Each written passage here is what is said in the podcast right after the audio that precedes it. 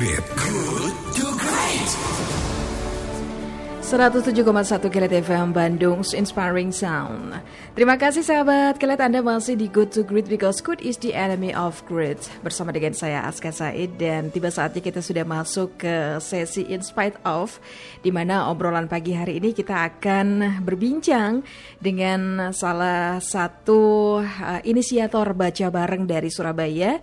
Ia adalah Hestia Istiviani Baca bareng merupakan silent book club di mana peserta klub buku ini hanya membaca buku selama waktu yang ditentukan. Tidak ada perkenalan, tidak ada obrolan, tidak ada pembahasan tentang buku, hanya membaca buku saja. Alasan lain terciptanya klub baca bareng nah, ini karena Hestia ingin menjadikan supporting group untuk mereka yang masih malu-malu atau takut untuk membaca buku dengan genre yang berbeda di ruang publik. Dan Hestia pertama kali membuat gerakan baca bareng ini pada bulan Agustus 2019. Um, mengimitasi silent book club yang ada di San Francisco begitu katanya. Nah, kita pagi hari ini akan berbincang langsung dengan Mbak Hestia Istiviani yang merupakan inisiator baca baca bareng dari Surabaya. Spite of. In spite of. Halo, selamat pagi Mbak Hestia. Halo, selamat pagi. Apa kabar? Baik. Alhamdulillah sehat ya. Alhamdulillah sehat. Sehat, harus sehat dan semangat ya Mbak Hestia ya meskipun Iya dong. kita di tengah pandemi corona seperti ini dan masih stay at home ya. Iya betul. Ini saya sangat tertarik dengan apa yang sudah Anda lakukan. Anda dikenal sebagai uh, pegiat literasi dan inisiator dari Baca Bareng ya dari Surabaya. Ini bisa dijelaskan sebagai edukasi pada sahabat keret apa itu kegiatan Baca Bareng Mbak Hestia? Baca bareng itu sebenarnya kegiatan di mana uh, klub bukunya cuman membaca buku aja. Jadi uh, aku memang mengakomodir teman-teman yang ingin baca buku tapi ngerasa pertama dia kayak nggak punya waktu atau belum mempersiapkan slot waktu untuk baca. Terus Mhm. kedua dia merasa kalau em, dia masih ragu-ragu aja untuk baca buku di ruang publik. Mhm, Untuk yang Gitu. malu untuk yang malu-malu kucing. Iya. Kadang juga ya suka ada yang merasa eh, apa ya tidak biasa mungkin bertemu dengan orang-orang baru di luar atau di tempat-tempat Iya. baca ya. Betul betul betul. Mhm. Ini bentuk kegiatannya seperti apa sih Mbak Hestia? Jadi sebelum pandemi corona ini, em, saya kan sempat kerja di Jakarta. Mhm. Jadi memang bikinnya sebulan sekali, di mana di sana nanti teman-teman kumpul. Mhm. Biasanya sih eh, saya bikinnya di kafe. Terus Mhm. habis itu mereka ngumpul, datang, ya udah bener-bener dua jam Mhm. untuk baca buku aja. Mhm. Jadi mereka nggak ada kenalan, nggak ada pembahasan buku, nggak ada ngobrol-ngobrol. Jadi ketika mereka datang, terus ngeliat saya udah di situ, ya udah tinggal duduk dan buka bukunya dan baca gitu. Hmm, Oke, ini kalau tidak salah sejak Agustus tahun kemarin ya, Iya, Agustus 2019. 2019. Oke, ini apa yang menggerakkan Mbak Hestia melakukan ini? Apakah baca bareng ini dilakukan hanya di Surabaya saja atau juga ada di kota lain? Em, yang menggerakkan sih awalnya adalah karena eh, apa ya bikin supportive group itu, Mhm. di mana benar-benar bisa bikin teman-teman jadi aman, Mhm. tak dan nggak takut baca di ruang publik. Karena mungkin banyak orang yang tahu juga gitu kalau eh, fenomena book shaming itu juga rame. Orang-orang kayak di apa ya stigmatize dengan bacaan-bacaan mereka Mhm. baik itu dalam bentuk genre ataupun format. Terus abis gitu kalau nggak sang kalau nggak salah em, teman-teman juga ada yang ngerasa bahwa aku nggak pede nih buat baca buku gitu ya udah merasa butuh teman untuk apa ditemenin Mhm. gitu. Nah awalnya Agustus itu aku bikin di Jakarta mbak. Jadi Ah, ya. eh, eh, jadi sampai bulan Januari itu masih di Jakarta Mhm. dan memang ada di beberapa kota-kota ya, termasuk di Surabaya, ada di Tangerang juga, ada di Bandung, ada di Semarang, Makassar. Oke. Medan. Banyak ternyata ya. Gitu. Iya, udah ada di beberapa Hmm. kota. Kalau di Bandung tepatnya di mana tuh Mbak Estia? Di Bandung itu tempatnya juga pindah-pindah. Oh. Jadi di Bandung itu ada yang memang kontak aku bilang boleh nggak Mbak kalau saya juga bikin ya. Mhm. Kalau aku sih ya bebas aja nggak apa-apa karena memang ini kan eh, aku sendiri juga mengimitasi dari yang ada di luar negeri dari tempat aslinya kan di Amerika. Jadi aku juga membebaskan teman-teman untuk yaudah kalau mau dibikin di kota-kota kalian nggak apa-apa nggak masalah. Oke. Nah, Mbak Estia, ini kan di tengah anak-anak dan siswa sekarang sedang belajar eh, di rumah ya atau work from home ya stay at home sejak diberlakukannya eh, kebijakan ini oleh pemerintah untuk memutus rantai penyebaran virus corona. Ini bagaimana cara meningkatkan minat baca? Adakah yang berubah?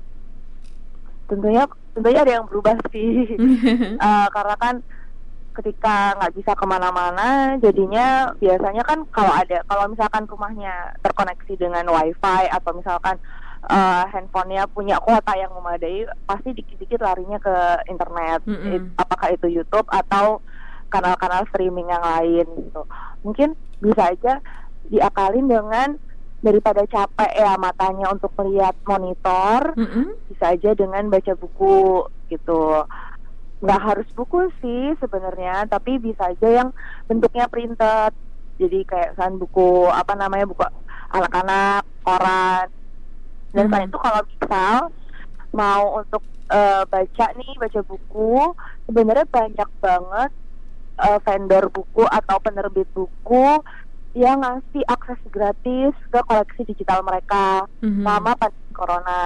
Jadi sebenarnya eh, memanfaatkan eh, internet itu dan gadget yang kita punya untuk meningkatin meningkatin baca buku itu bisa banget Mhm. di tengah-tengah pandemi dan wabah kayak gini tuh eh, kalau mau nyari banyak buku-buku gratis dan legal di luar sana. Oke. Tuh. Iya, Mbak Estia, ini kan eh, minat baca eh, di Indonesia masih belum eh, besar ya, katakanlah seperti itu. Ini tips apa untuk meningkatkan minat baca, terutama bagi anak-anak ya sebagai generasi kita? Yang pertama sih yang selalu aku bilang kalau ada yang nanya gimana sih kak kalau mau ningkatin minat, minat baca biar suka baca yaitu mulai dari apa yang kamu suka. Jadi jangan terpaku sama tren jangan terpaku karena ah teman-teman aku bacaan bacaannya bukunya yang berat-berat. Mhm. tapi kalau kita sendiri nggak suka nggak minat pasti akan terasa terbebani. Karena sesungguhnya kegiatan membaca itu harusnya bersifat rekreasional bikin Mhm. kita senang bikin kita ngerasa kalau itu bikin happy.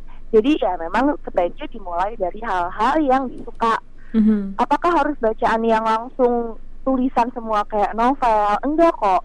Bisa dengan komik. Dengan membaca komik misalnya akhirnya bikin penasaran. Mhm. apa sih ya sebenarnya? Ada nggak sih penjelasan secara saintifiknya? Atau kurang nih aku bacanya aku masih penasaran. Kayaknya aku harus menggali dari informasi yang lain. Nah dari situ tuh akhirnya eh, apa jadi penasaran dan akhirnya ngejar bacaan-bacaan yang lain Berawal dari hobi ya, kemudian jadi edik ya. Iya, Untuk betul. membaca, membaca, membaca. Karena memang anak-anak sekarang itu agak susah untuk eh, membaca di buku. Mereka lebih seneng di laptop atau juga di gadget ya. Iya karena eh, kalau saya ngomong soal anak-anak, mereka itu adalah alat kopi yang paling baik lah. Mhm. Mereka mer- modeling apa yang mereka lihat. Misalkan di sekitar mereka orang dewasanya banyak kan main handphone atau nggak pegang buku, nggak pegang koran ya. Mereka akan merasa itu sesuatu yang normal untuk menghabiskan waktu dengan handphone Mhm. daripada dengan buku. Jadi kalaupun misal eh, kita dekat dengan anak-anak, kalaupun mau menyarankan membaca buku, kitanya juga baca buku. Jadi benar-benar ngasih mereka role model di depannya. Oke, memberikan contoh ya. Apalagi sekarang kan mama papanya pada di rumah ya. Anak-anak pada di rumah dan banyak sekali kesempatan waktu yang bisa digunakan ya untuk lebih mendorong anak-anak untuk minat membaca. Nah, ini kan tadi Mbak Astia pernah eh, mengemukakan bahwa ini terinspirasi dari Silent Book Club di San Francisco tadi ya. Itu eh, perbedaannya di sana dengan yang di Indonesia ada perbedaan apa itu perbedaannya Mbak Astia? Perbedaan yang sangat mencolok adalah di tempat. Karena kalau yang di San Francisco itu mengadakannya di bar. Dan kalau Hmm. sini kan nggak bisa ya mbak ya. Jadi diadaptasi dari segi tempatnya sih. Kalau aku bikinnya di kafe. Mhm. Itu aja sih. Biar lebih asik sambil ngopi sambil ini ya baca buku ya. iya. Iya, Mbak Setia ini sejauh mana uh, sampai saat ini dampaknya dari uh, klub yang Anda inisiasi ini dan siapa saja yang uh, bisa mengakses dan terlibat langsung dari kegiatan Anda? Sampai saat ini sih uh, teman-teman banyak yang bilang kalau selama dua jam yang dialokasikan untuk baca bareng itu mereka jadi bisa baca beberapa bab yang lebih banyak daripada mereka biasa baca hari-hari. Karena kan bareng-bareng itu pertama ada yang sungkan untuk ngecek handphone, sekarang terlihat sekelilingnya asik baca buku gitu. Terus ada lagi yang ngerasa kalau akhirnya bisa fokus karena bener-bener waktunya itu cuma buat baca, nggak disambi dengan yang lain. Hmm. Dan terus uh, apa namanya banyak banget juga yang bilang akhirnya ketemu sama teman-teman baru walaupun aku ketika event, ketika acara itu tidak ada ajang perkenalan, tapi ketika udah bubar, waktu udah selesai, mereka akhirnya penasaran yang duduk sebelah mereka, yang duduk depan mereka tuh siapa, baca apa. Akhirnya dari situ ada obrolan-obrolan, mereka kenal juga sama yang lain. Mm-hmm, nama teman juga ya. iya. Iya Mbak Setia yang terakhir nih, harapan Anda ke depannya untuk masyarakat luas, uh, terutama masyarakat Indonesia meningkatkan literasi atau minat baca dari dimulai dari klub uh, baca bareng ini. Apa harapan Anda?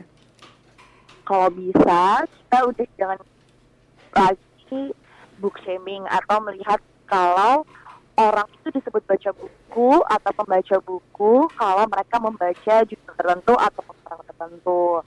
Karena uh, aku belajar bahwa setiap orang itu punya bacaan yang masing-masing, genre kesukaan yang masing-masing. Jadi bacaan dan selera bacaan itu bersifat relatif. Jadi kita menghargai orang seperti itu dari uh, menghargai bacaannya. Semoga orang-orang juga terdorong untuk semakin percaya diri membaca buku, mau itu apa pun formatnya, mau itu apa pun genrenya. Oke, Mbak Estia, terima kasih untuk obrolan di pagi hari ini bermanfaat yeah. banget buat kita. iya, sama-sama. Iya, mudah-mudahan nanti ada kesempatan lagi untuk uh, berbincang bersama dengan Anda ya. Iya. Selamat pagi, tetap semangat dan sehat untuk Anda, Mbak Estia. Iya, sama-sama pagi. Ya sahabat kalian demikian perbincangan kita, obrolan kita di In Spite Of bersama dengan Mbak Hestia Istiviani yang merupakan inisiator dari Klub Baca Bareng.